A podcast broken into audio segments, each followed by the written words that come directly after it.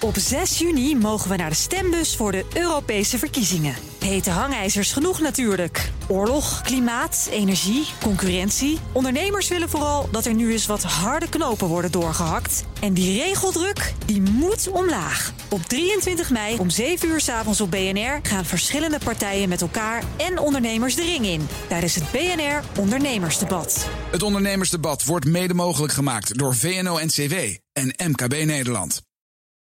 Blijf scherp. BNR Nieuwsradio. The Big Five. Diana Matroos.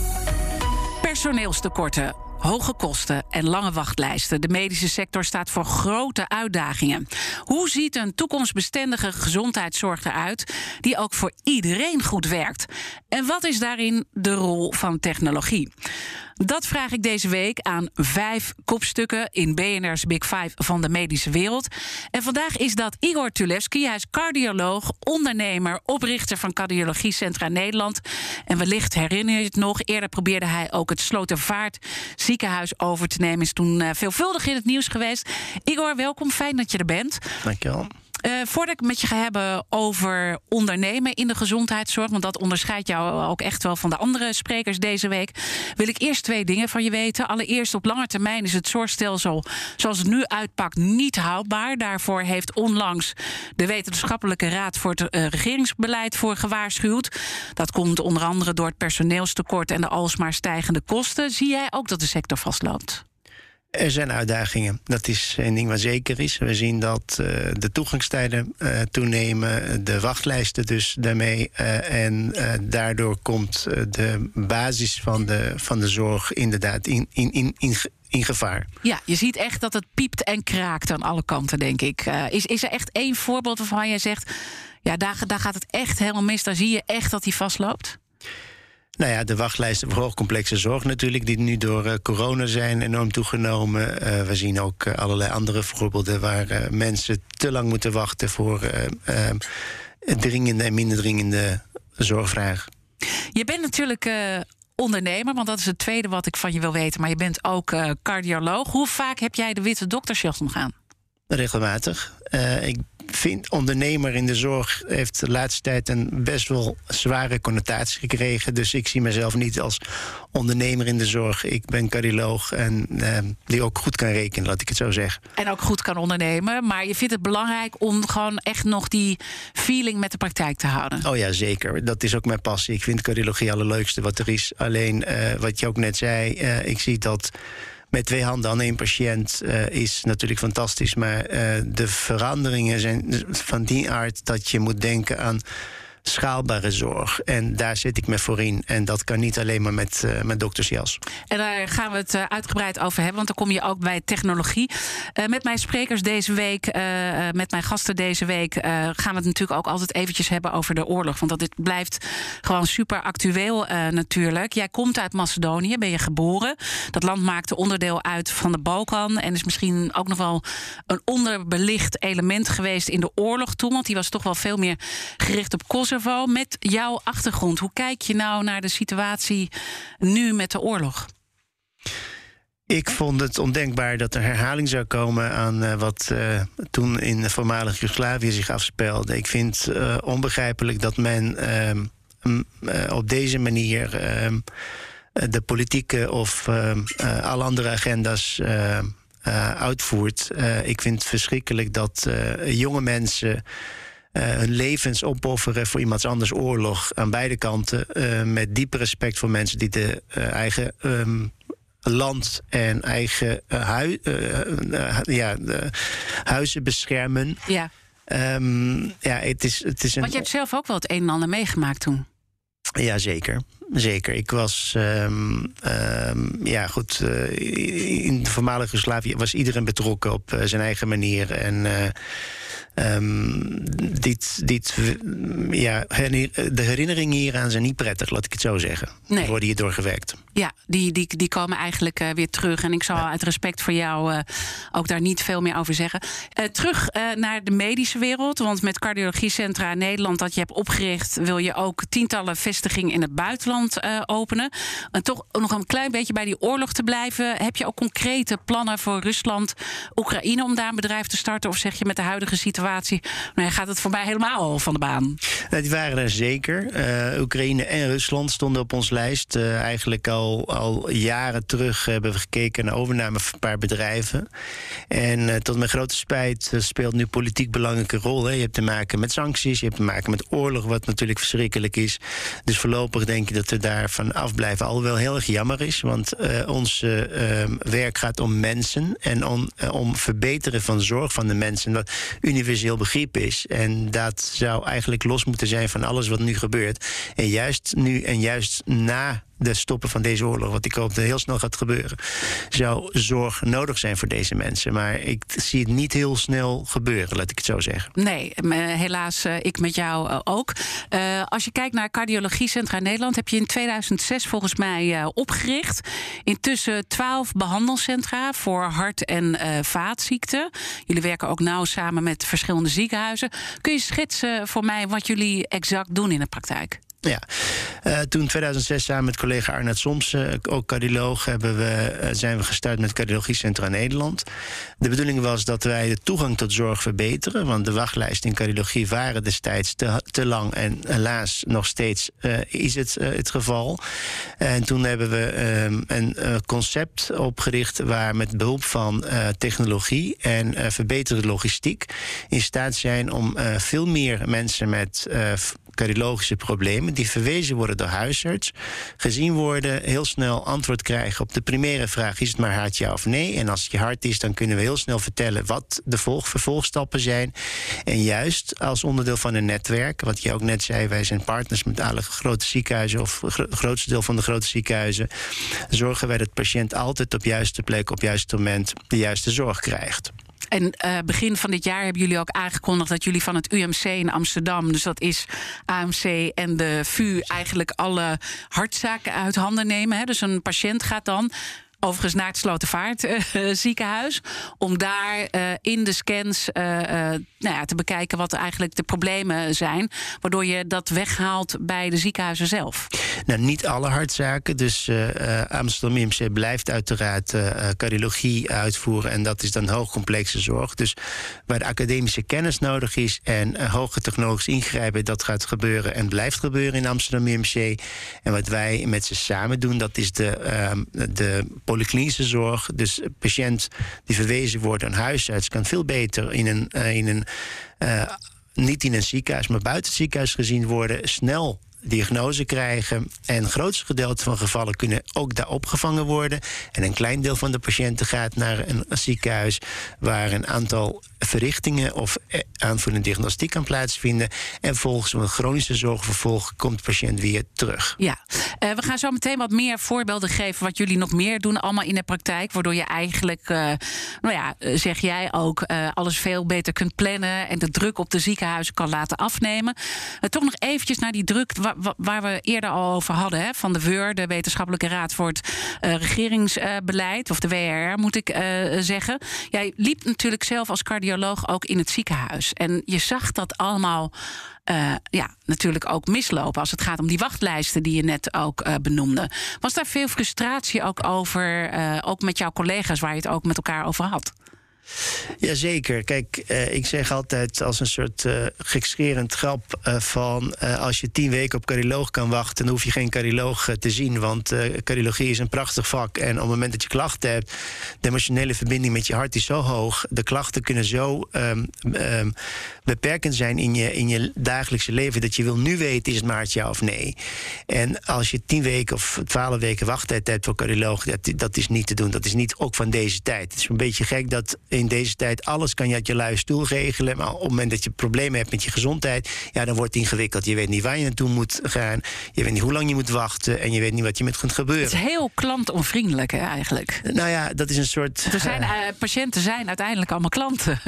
dat, dat is ook zo. Dat, nou, daar zijn natuurlijk uh, heel veel meningen over. En niet iedereen is daarmee eens. Maar het is een soort uh, Star Trek technologie in een, in een Flintstone jasje. Dus we werken met de meest geavanceerde apparatuur. We werken met, uh, met dure apparaten. Terwijl de contact en de, klant, de klantvriendelijkheid is uiteindelijk van de Flintstone. Dus dat is, ja, we werken nog steeds met faxen. Dat kan niemand uitleggen, maar dat is gewoon nog steeds zo. En dat, dat is heel bizar dat in zo'n vak waar. Uh, onderzoek, uh, uh, nieuwe technologie-introductie gaat zo snel dat de uh, patiënt-klantrelatie is zo achtersteld. Ja, uiteindelijk. En dat is natuurlijk ook iets wat verpleegkundigen en artsen ook gewoon vervelend vinden. En dan verbaas ik me toch dat we nog niet, en tegelijkertijd moeten we misschien dankbaar voor zijn, dat er nog geen verubering van de zorg is gekomen. Want je zou denken, hè, als je dat Uber-systeem in de zorg, dan zou het allemaal veel makkelijker moeten gaan. waarom is dat? Waarom blijft dat zo oud, zo ouderwets allemaal in die zorg? Ja, het is een hele goede vraag. Ik geloof niet dat ik alle antwoorden heb. Uh, wat ik wel kan zeggen is dat Nederland heeft een van de beste infrastructuren ter wereld voor zorg. Uh, qua stelsels ziet er echt goed in. Uh, qua kennis, we hebben echt topverpleegkundigen, topartsen met goed de hart op de juiste plek. Dus daar, daar is het probleem niet. Ik denk dat wij een beetje gevangen zitten in een soort gouden kooi waar uh, veel geld omgaat en de incentive om te veranderen is niet al hoog genoeg. Nee, terwijl je zou denken met de hele coronapiek uh, en de IC-belasting dat we wel nog meer op de feiten zijn gedrukt. Maar is het ook zo dat iedereen in jullie wereld er wel over praat, maar weinige actie ondernemen zoals jij hebt gedaan? Het is ook ingewikkeld, want uh, artsen zijn en verpleegkundigen zijn natuurlijk de hele dag bezig met patiënten. En om, uh, om bezig te zijn met andere zaken moet je ook tijd en focus voor hebben. En ik denk dat, uh, dat het ingewikkeld is om goede mensen uit de zorg ook te bij te betrekken in veranderingen van de zorg wegens ja, focusgebrek. En ook mensen, mensen willen gewoon focus houden op eigen werk. The Big Five. Diana Matroos. Mijn gast is Igor Tulevski, cardioloog en oprichter van Cardiologie Centra Nederland. Uh, de medische wereld, dat staat deze week uh, centraal bij de Big Five. En als je dan, en uh, we kijken daarbij ook naar de rol van technologie. Als je dan kijkt naar de processen in ziekenhuizen en technologie, waar, waar, kan je dan de meeste winst boeken? Ik denk dat de meeste winst kan boeken in de, in de logistiek. Uh, ook in de organisatie van, van, van de zorg.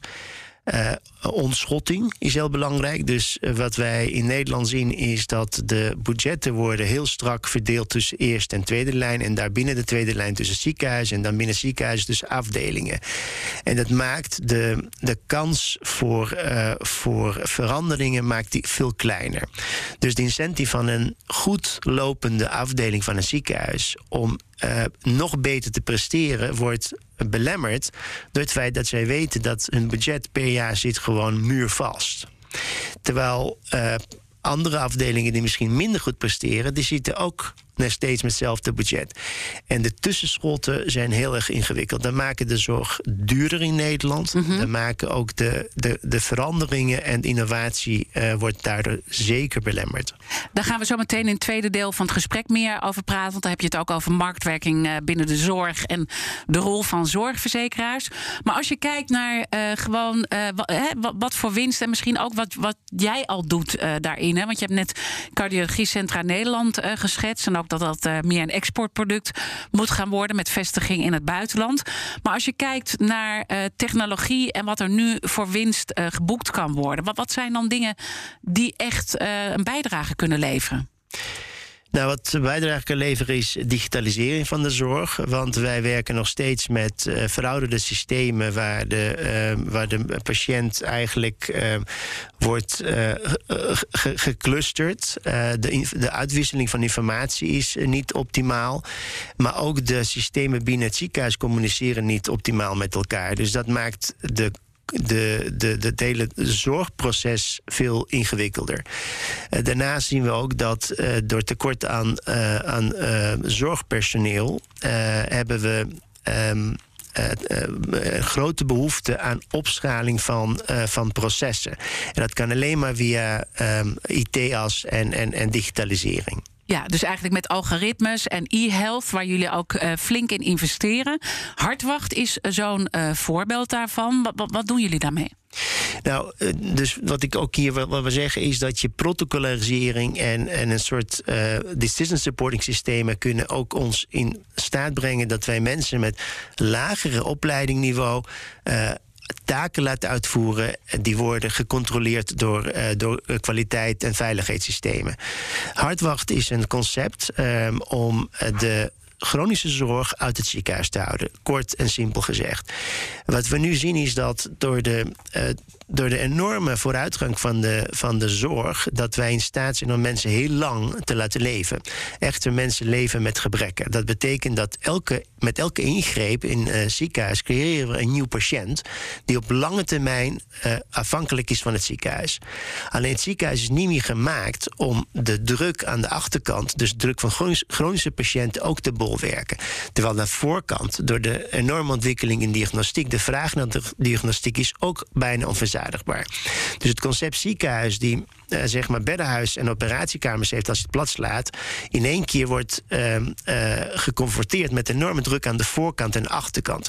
En enige man, om, een van de weinige manieren om dat te ontlasten, in ieder geval in mijn, volgens mij, is dat je de chronische zorg gaat digitaliseren, dat je de patiënt met behulp van, van wearables of dat zijn apparaten die patiënt met zich meedraagt, de data wordt verzameld en deze wordt centraal geanalyseerd en eigenlijk dat je de, de interactie tussen de patiënt en de dokter locatie en tijd onafhankelijk maakt. Dus dat je echt op afstand de zorg op afstand kunt houden, middels eigenlijk kunstmatige intelligentie, wat je steeds meer zou kunnen verfijnen uh, in de toekomst? Nou, uh, om een voorbeeld te geven. Ja? Uh, dus mensen met ritmestoornissen. Ritmestoornissen kunnen uh, treden op ten pas en onpas. En wij hebben steeds meer mensen met ritmestoornissen door allerlei redenen.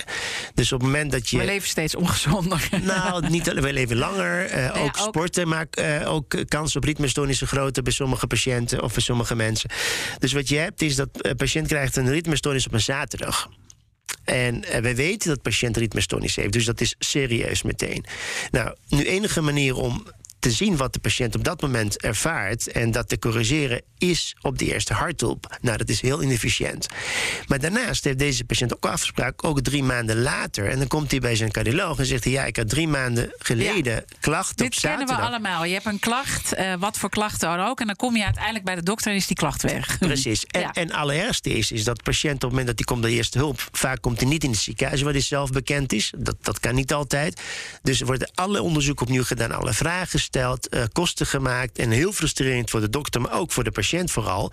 Uh, dat hij dat hij alles opnieuw moet doen. En uiteindelijk gaat hij naar huis met een onbevredigend gevoel. En dan heeft hij alsnog afspraak bij zijn cardioloog om te vertellen dat hij klachten had. Terwijl op dat moment geen klachten heeft. Dus dat hele totaal nutteloos. Dus dat is een totale mismatch tussen vraag ja, van de patiënt precies. en de zorg die wij verlenen.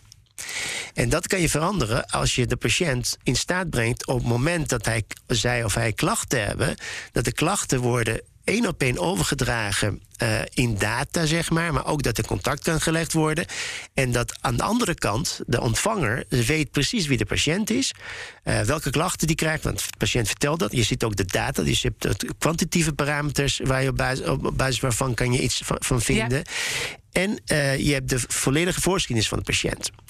Dus heel veel zaken kunnen geregeld worden op deze manier. Je hebt en, veel meer informatie, je kan veel uh, sneller schakelen, veel sneller zien eigenlijk uh, waar het probleem ligt. Toch denk ik dan meteen aan data. Hè, en eerder noemde ik het veruren.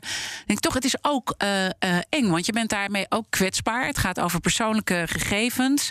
En ik zie je instemmend knikken, maar ook van, moi, dat moet je ook wel een beetje anders zien.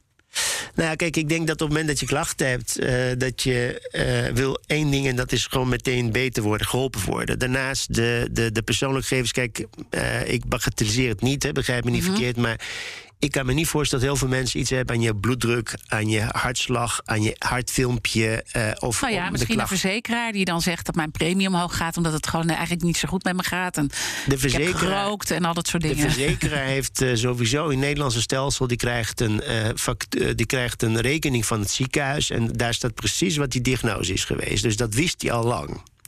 Dus op het moment dat je. Dus ik heb het nu over patiënten die al bekend zijn in de mm. zorg. Het gaat om de chronische zorg. Dus die hebben al initiële diagnose en behandeling al gehad. Dus de, de, de code, dus de, de, de, de, de behandelplan en de, en de diagnose zijn al bekend. Dus da- Ja. dat verandert niet. Nee, dus daar moeten we dan niet eh, zo bang voor zijn. Maar toch zeg je, we moeten daar wel voorzichtig uiteraard eh, mee omgaan. Iets anders is eh, dat jullie ook eh, de spoedeisende hulp planbaar kunnen maken, heb ik eh, begrepen. En, en doen jullie dat volgens mij ook al bij het Slotervaartziekenhuis? In Dokkum op dit moment. Oh, in Dokkum. En dan zijn Sorry, we bezig op een, paar andere, ja, op een paar andere plekken.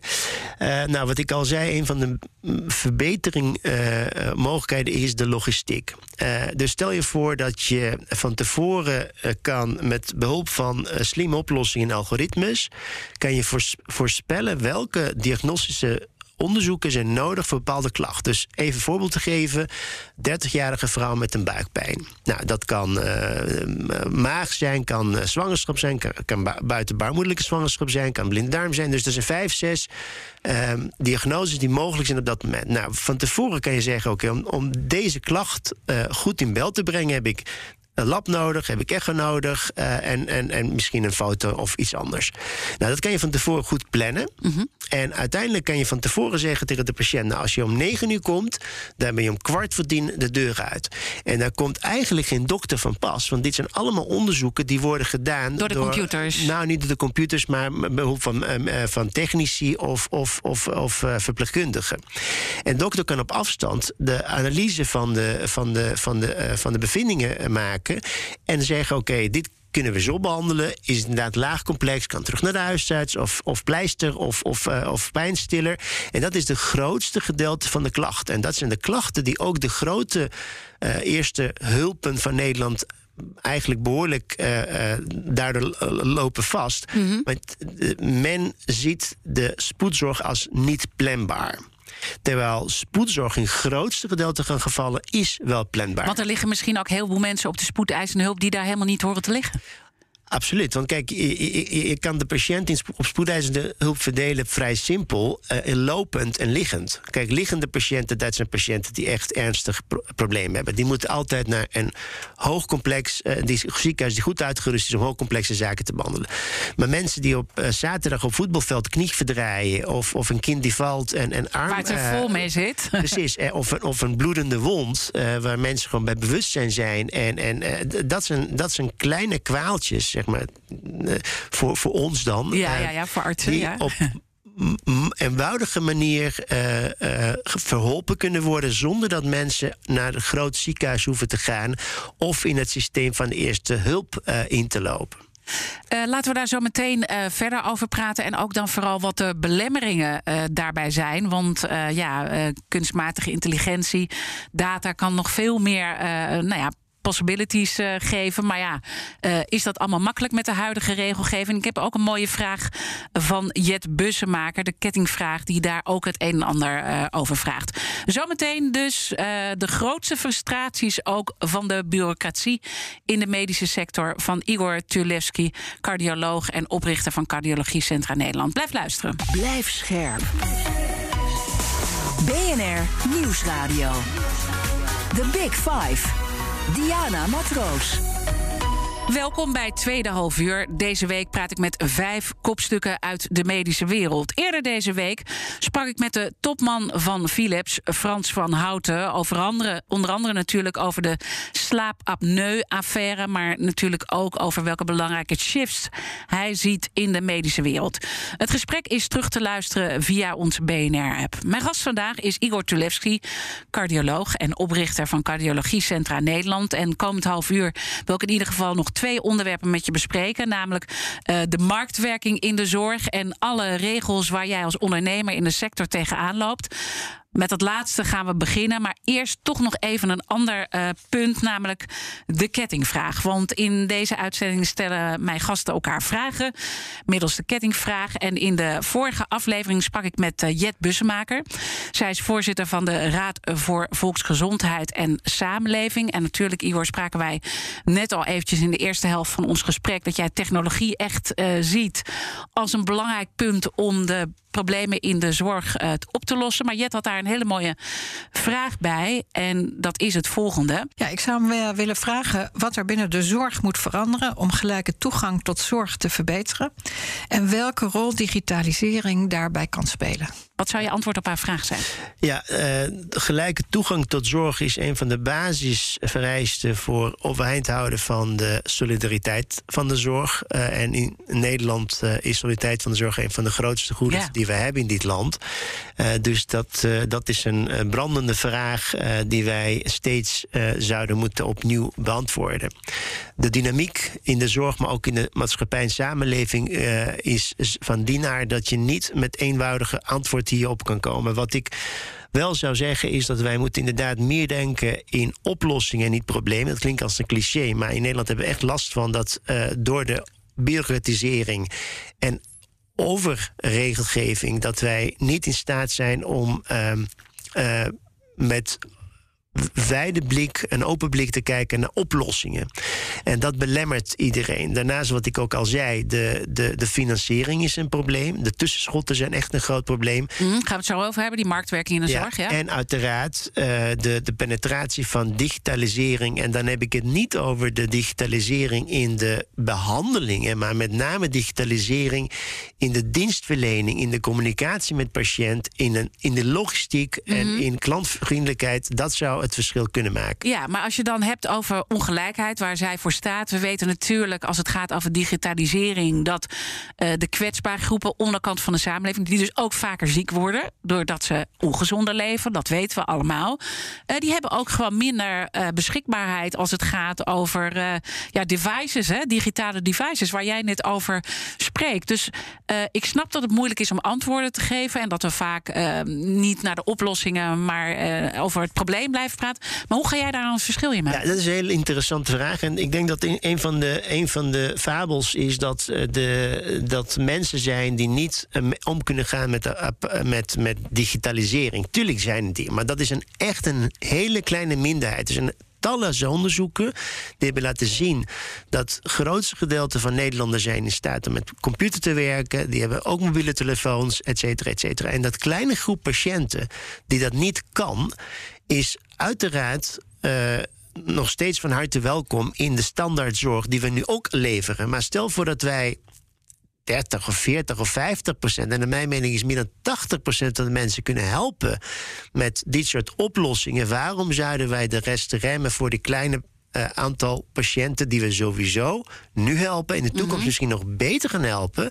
Maar we zouden meer tijd en resources hebben om deze mensen veel beter te begeleiden. Wat we nu aan het doen zijn, is we behandelen iedereen als digibeet. En we doen niks mee. Daarmee gaan de kosten alleen maar omhoog. En daardoor is de toegang tot zorg, wat je terecht dus blijf je opmerkt, in blijf in, in een catch-22. Ja. En daarnaast, wat moeten, wij moeten ons realiseren dat de grootste gedeelte van Nederlanders heeft al 30, 40 jaar ervaring met computers. Hè? Dus de computers zijn in ons leven gekomen ergens jaren 80, 90. En dus de tachtigers van nu waren toen veertigers. Ja. Uh, en, en, uh, het wordt echt hoogte tijd om, om dit uh, te gaan doen. En dan noem je eigenlijk die bureaucratie hè, en, en dingen die een belemmering vormen, waardoor het, het, er niet van komt. En we eigenlijk alleen maar praten over het probleem en het niet oplossen. Wil ik toch ook even aan je vragen hoe je kijkt naar die topwetenschapper Hans Klevers. Daarvan werd onlangs bekend dat hij is overgestapt naar farmaceut Roche. Hij wordt daar hoofdonderzoek. En Klevers probeert jarenlang eigenlijk al een medisch bedrijf op te richten. Maar hij raakte verstrikt in een web aan regelgeving. Snap jij hem dat hij opstapt hier uit Nederland? Ja, kijk, uh, dit soort mensen zijn uh, buitengewoon intelligent. En uh, ik ken de, de persoonlijke verhaal niet. Maar zakelijk kan ik me wel voorstellen... op het moment dat je ergens niet je vleugels kan uitslaan... dat je ergens naartoe gaat waar het wel kan. Ja. En uh, dat dat dan een hele uh, andere tientje krijgt met, uh, met allerlei vooroordelen en, en, en, en over, over vergoeding, et cetera, et cetera. Daar ga ik niet op in. Maar puur als wetenschapper kan ik me wel voorstellen op het moment dat je ergens niet vrij of vrij niet in staat bent om te doen wat je denkt dat je om te ondernemen, om te ondernemen of ja. in ondernemen in dit geval, ja, dat je toch gaat zoeken naar andere oplossingen. Ja, uh, want uh, nou ja, hij werd ook als mogelijke winnaar van, van de Nobelprijs voor de geneeskunde genoemd. Dat is natuurlijk wel diep triest dat we eigenlijk zo iemand kwijtraken die gewoon een heel uh, goed track record heeft en heel zeer hoog is aangeschreven. er zitten natuurlijk ook bepaalde gedachten achter waarom dat eh, waarom we zo kritisch zijn in Nederland. Wil ik het zo over hebben. Maar kan je zeggen waar jij als ondernemer tegenaan loopt? Overigens goed om te zeggen, je bent ook, je hebt die witte jas ook nog aan. Ik vind dat ook heel belangrijk. je bent en blijft die cardioloog, maar je bent natuurlijk ook ondernemer. Waar loop jij tegenaan? Nou, kijk, ik moet eerlijk bekennen dat ik in Nederland uh, best wel tevreden ben over hoe dat allemaal loopt. Hè. Natuurlijk, er is geen ideale wereld. En natuurlijk zijn er dagelijkse frustraties. Maar ik kan niet zeggen dat Nederland een slecht land is om te ondernemen, ook in de zorg. Maar net uh, noemde je het wel, hè, die bureaucratie. Ja, tuurlijk. Dat, dat is zeker grote belemmering. Ja. en nogmaals, wij, wij hebben het niet over ideale wereld. Dus dit is een van de problemen in Nederland. En dat frustreert mij, want het is gewoon niet nodig. Want wat ik al zei, we hebben hier super slimme mensen, zoals ook de collega die weggaat en Nobelprijs, een enorm verlies voor Nederland. En in plaats van dat deze mensen laten accelereren, we proberen eens eventjes uh, terug te trekken. En uh, een van de eerste Um, uh, uh, spreuken die ik hoorde in Nederlands was: doe even normaal, doe je gek genoeg. Dus eigenlijk niet het hoofd boven mij veld. En dat is nou net jammer dat dat zo diep ingeworteld is. Dat, dat zijn juist de mensen die de hele maatschappij en de wetenschap naar voren trekken. Als we allemaal gemiddeld zijn, dan blijven we gemiddeld. Juist moet je de mensen die zich onderscheiden, moet je koesteren. En dat is iets wat we in Nederland minder goed hebben. En bureaucratie geeft daar nog een schepje bovenop. Ja, uh, eerder deze week uh, sprak ik de topman van Philips, Frans van Houten. En die uh, vindt eigenlijk dat hele gedoe over. Hè, die, nou, we gaan niet nu over die apneu-kwestie praten. Maar daardoor staat zijn salaris onder druk. En dat was nou ja, onder druk. Hij is gehalveerd in salaris. Maar de VB vindt dat nog niet voldoende. Hè, dus die vinden dat er meer af moet. De discussie over de beloning was ook voor die apneu. Was al een issue in Nederland. En hij zei: vindt het allemaal een beetje over vertrokken, dat gedoe over zijn salaris. Snap jij hem? Jazeker. Philips is een beursgenoteerd bedrijf. En over de salaris van de CEO gaan de aandeelhouders en niet de publieke opinie. En als, die, als iemand waarde creëert en het bedrijf vindt dat iemand die positie moet uh, uh, invullen. En dat, uh, dat komt ten goede van het bedrijf, dus ook van de van belastingbetaler, et cetera, et cetera. Ik vind dat dat niet een, niet een thema is die zeg maar door de kranten moet uh, besloten worden. Tuurlijk mag men mening over hebben. En, en, en, en natuurlijk mag men iets van vinden. Alleen ik vind dat inderdaad, uh, wij moeten ons juist focussen op dingen die uh, ons naar voren trekken. En niet mm. mensen die voorlopen proberen terug te trekken. Ja, uh, dat is het sentiment wat we hebben al een tijd uh, in Nederland. Tegelijkertijd zitten daar ook hele goede waarden achter. Hè? Want je wil natuurlijk niet dat er te veel financiële prikkels in een gezondheidssysteem uh, komen. er is onlangs ook nieuws geweest wat RTL Nieuws naar boven heeft gemaakt. dat er ja, de Vereniging van Directeuren van Sociale Diensten van Divosa spreekt over zorgcowboys. Nou, dat kwam uit voort uit een verhaal van RTL Nieuws dat ook veel te makkelijk uh, in het zorgsysteem uh, terechtkomen. Daarom zijn die checks en balances natuurlijk ook wel goed aan alle kanten die we binnen ons uh, Nederlands systeem hebben. En ook de KNW, die is heel kritisch geweest, ook over onderzoeken in de wetenschap. Want die zegt, ja, je moet rolvast en onafhankelijk altijd betrachten en niet te commercieel worden.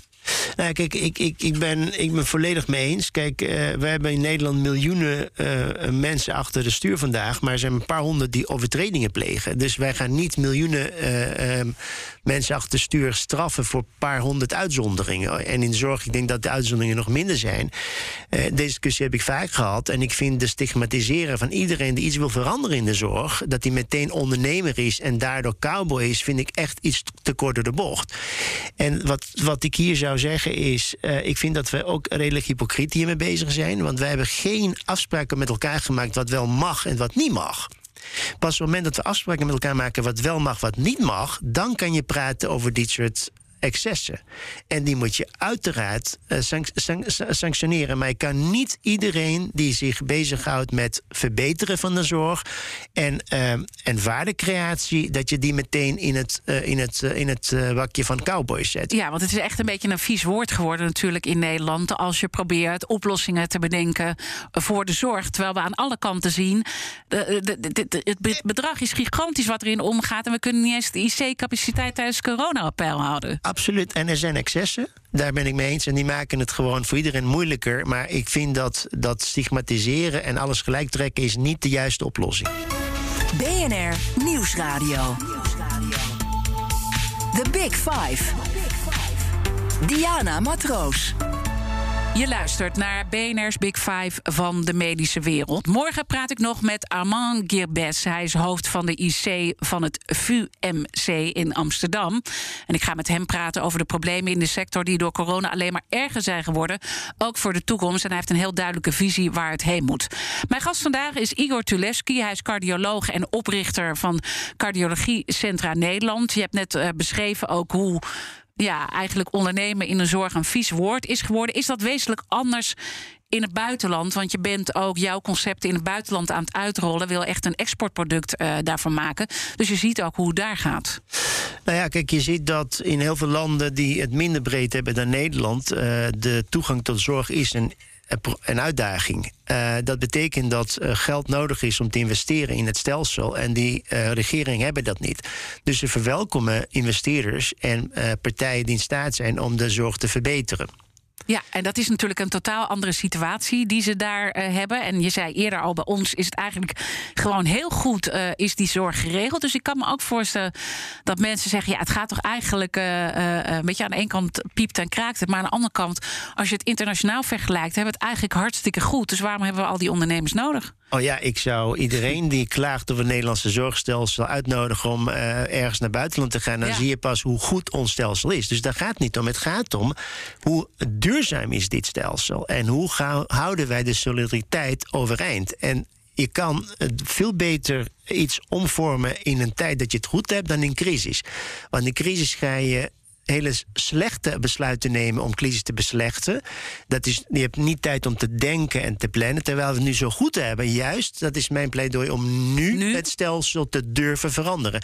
Alleen de incentive om iets te veranderen in een stelsel die zo goed gaat, is vrij laag. En dat ja. is een daar komen we op de marktwerking, want daar zit je al de hele tijd op te broeden. Ik hoor het. Uh, uh, marktwerking moest er uiteindelijk voor zorgen dat we een betere toegankelijkheid uh, zouden krijgen van de zorg. Hogere kwaliteit, solidariteit, dat punt noemde je al, beheersing van de kosten. Als je dan kijkt hoe we dat nu doen, dan ben jij daar zeer kritisch op. Dat bereiken we niet. Onvoldoende. Ik, ik, vind dat marktwerking in de zorg en de zorg een hele sterke politieke connotatie heeft gekregen in Nederland. Ik vind dat als je voor marktwerking bent, dan ben je gewoon uh, ergens in het spectrum van het uh, politieke spectrum. En als je tegen bent, dan zit je ergens anders. En dat is niet de juiste benadering. Uh, ik vind marktwerking in de zorg ook een soort uh, misnomer. Want er, wij hebben nooit echt marktwerking gehad. Want wij hebben altijd te maken met budgetten, met prijzen die worden bepaald door de, door de, door de uh, VWS.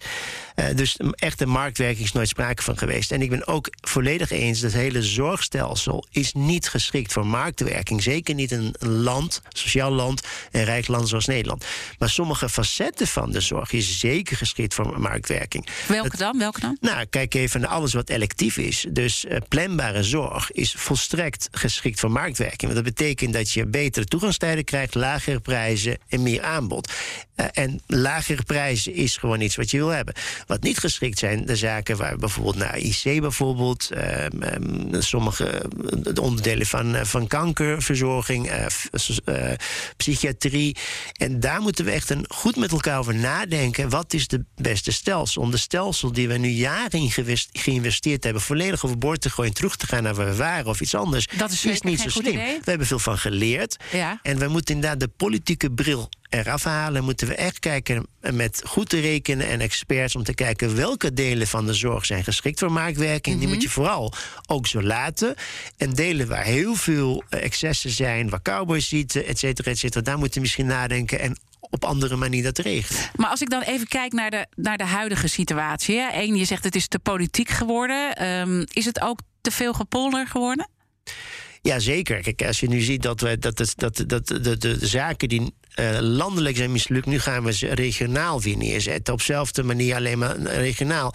En voor heel, uh, kijk, uh, heel veel besluiten worden te traag genomen, waar we wel goed in zijn op het moment dat we besluiten hebben genomen die goed uit te voeren. Ja. Alleen, we hebben wel bepaalde noodzaak tot een efficiëntere en, en, en, en, en, en misschien gedurfde besluitvorming. En waar ik dan zo bang voor ben, uh, Igor, als we kijken ook naar de huidige situatie al, uh, dan zie je nu bepaalde partijen opstaan, privéklinieken, die makkelijke operaties Bijvoorbeeld de knieën, we kennen ze allemaal. Hè, die bepaalde klinieken die daarop opereren. Volgens mij werk jij ook met een van die klinieken uh, samen op andere terreinen.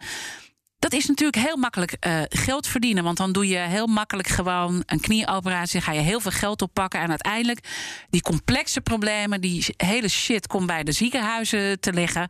En die lopen gewoon helemaal vast in het financiële moeras. En hoe ga je dat nou uh, uh, tegengaan met wat jij nu schetst? Want ik ben bang dat het alleen maar erger wordt. Nou, hele goede vraag. Uh, kijk, je moet wel. Uh, ik denk dat je, dat je um, uh, goed. Nogmaals, we hebben nu inmiddels al 15 jaar ervaring met dit stelsel. En we hebben heel veel geleerd. We weten wat echt goed werkt, wat niet goed werkt. En zelfs klinieken die uh, alleen maar knieën doen, zijn ook nodig. Want dat betekent dat op één plek uh, hoge volume kan draaien. En hoog volume is garantie voor goede kwaliteit en mm -hmm. lagere prijs. Maar hoe zorg je dat, dat, uh, dat ook de mensen die de complexe zorg doen. Ja. daar ook van profiteren. Want dat is natuurlijk het grote dilemma. Nee, maar dat is, dat, kijk, ik, ik, denk dat, dat één is dat consumptie van zorg in Nederland wordt ook af en toe zo geschilderd dat mensen voor de lol gaan naar de dokter. Dat is dus niet zo. Je gaat geen knieoperatie doen of, of hartklepoperatie. Dus, en wij zijn heel goed in Nederland dat wij op bijna postcode kunnen voorspellen wat, wat gaat gebeuren, wat nodig is. En juist om de ziekenhuizen die hoogcomplexe zorg leveren genoeg geld over te laten voor om te doen wat ze, waar ze goed in zijn en wat ze nodig hebben, moet je juist dit soort ingrijpen, die je een stuk goedkoper en efficiënter kan doen, moet je misschien voor lagere prijs ergens anders uitbesteden. Dus dat is een herverdeling en dat is weer dat hele tussenschot te weghalen, waar je partijen die in staat zijn om zorg efficiënter en mm -hmm. beter te leveren voor lagere prijs, die moet je laten kunnen opschalen. Maar je, je, bent, je vindt dus wel dat dat soort partijen nu eigenlijk te veel geld pakken voor een hele makkelijke behandeling. Terwijl die uh, complexe zorg in ziekenhuis. Want dit is natuurlijk ook een beetje jouw eigen uh, business. Hè? Dus hoe zorgen we dat jij met heel, uh, nou ja, met dat, met, dat makkelijk opschalen, dat, jij, dat er niet te veel van ons zorgbudget naar jou gaat? Kijk, als je de Nederlandse stelsel goed kent, hè, voor elke ingrijp en elke behandeling, elke diagnose hebben een bepaalde prijs van tevoren afgesproken in Nederland. En daarnaast wordt het opnieuw onderhandeld met de zorgverzekeraars. Dus niet zo dat deze partijen kunnen zelf de prijs uh, uh, nee, dat snap ik. Maar het effect nu is dat diegenen die de knieoperaties ja. doen. Die houden veel makkelijker veel geld over. En het, die, die, die makkelijke knieoperatie kan het ziekenhuis nou niet meer doen. Dus die hebben alleen maar die shitzooi die ze, sorry voor mijn woorden, moeten opruimen. Nee, maar dat, dat, dat is natuurlijk wel iets nee, waar je dan is, over na moet denken de, ook. Nee, maar kijk, ik, ik vind dat als we, als we praten over feiten, dan moet je ons houden bij de feiten. Dus ik zou zeggen, als een ziekenhuis deze operatie beter, efficiënter en goedkoper kan uitvoeren dan die andere, mm -hmm. die zou niet die zou juist moet ingekocht worden. Dus dat is de rol van de zorgverzekeraars in dit stelsel, is om juist deze keuzes te maken. Dus als je ziet dat een partij nutteloos ingrijpen doet voor heel veel geld, die moet je vooral niet contracteren. En als een ziekenhuis in staat is om deze knieoperaties beter, goedkoper uh, mm -hmm. uh, en efficiënt uit te voeren, dan zouden zij gecontracteerd worden, zouden ze niks verliezen. Nou, ik denk niet dat, dat het nutteloos is wat die, dat, wat die privéklinieken doen. Alleen zij kunnen nu heel makkelijk dat geld uit de markt trekken. Uh, met een soort herhaal schaalbaar verhaal. Terwijl de ziekenhuizen. Ja, die laat je steeds meer die complexe zorg. Hè? Want ik bedoel, met jouw systeem ook kunnen mensen steeds meer zorg op afstand. Nou ja, dat is allemaal uh, veel betaalbaarder en schaalbaarder. Hoe zorg je dat die ziekenhuizen niet met al die rotzooi overblijven voor heel weinig geld? Want dat, dat is natuurlijk ook wat je niet wil. Nee, dat, daar ben ik helemaal met je eens. Maar kijk, ten eerste, ik denk dat wij ook de ICAN echt alle ziekenhuizen of IKEA ziekenhuizen moeten ook nadenken over de profielen die zij, uh, die zij moeten kiezen in de toekomst. Want sommige zaken gaan uit het ziekenhuis eenmaal. Want dat is voor ons allemaal beter. Want als je juist de solidariteit wil behouden en de betaalbaarheid van de zorg wil overeind houden, moet je juist kiezen voor de beste, mm -hmm. meest efficiënte en meest betaalbare manier om zorg te leveren. En soms kan het zo zijn dat het uit het ziekenhuis is. Uh, misschien is het mooi om hier een kettingvraag uh, bij te stellen naar mijn gast van morgen. Dat is Armand Geerbes. Hij is IC-baas bij het VUMC. En uh, nou ja, hij vindt in ieder geval dat de zorgverzekeraars een veel te grote rol hebben gekregen. Ben je het met me eens trouwens? Um, ja, uh, hangt een beetje. In, in, sommige gevallen van mij mag het nog meer, maar uh, in andere gevallen minder. Dus dat, dat is, is ook precies een, wat je net het is een balans. zei. Ja. Wat zou je hem willen vragen? Ik zou man willen vragen. Uh, uh, voor corona uh, hoorde ik vaak dat wachtlijsten voor cardiochirurgie bijvoorbeeld worden juist gestuurd door. Um, tekort aan IC-capaciteit. Dus IC leek een bottleneck te zijn ook voor de coronacrisis. En tijdens de coronacrisis was helemaal geëxplodeerd. Uh, en natuurlijk uh, zijn daar hele goede redenen voor. Maar wat mij eigenlijk boeit is dat ik uh, wel zie dat in landen waar IC-klinieken for-profit of non-profit zijn. In beide gevallen zijn er landen die meer dan genoeg capaciteit hebben om de IC-vraag te beantwoorden. Dus mijn vraag aan man is: hoe zorgen wij in Nederland dat wij genoeg betaalbare IC uh, capaciteit krijgen. En dat is dus niet vraag van is het for-profit of non-profit. Er is iets anders. Dat ga ik hem zeker uh, vragen. Maar zou je met uh, toch ook hier de planbare zorg op kunnen loslaten?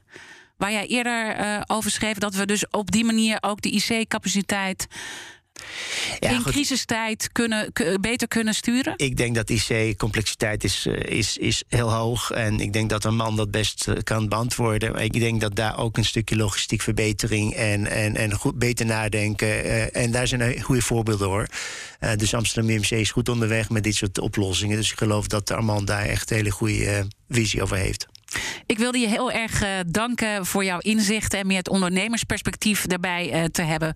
Igor Tulewski, cardioloog en oprichter van Cardiologie Centra Nederland, wat steeds meer als een exportproduct uh, gemaakt wordt. En volgens mij wil je het grootste cardiologieplatform ter wereld uiteindelijk neerzetten. Alle afleveringen zijn zoals altijd terug te luisteren. Je vindt BNR's Big Five terug in onze podcast. Ga naar onze BNR-app of wat voor favoriete podcast dan ook. Ik wens je een mooie dag.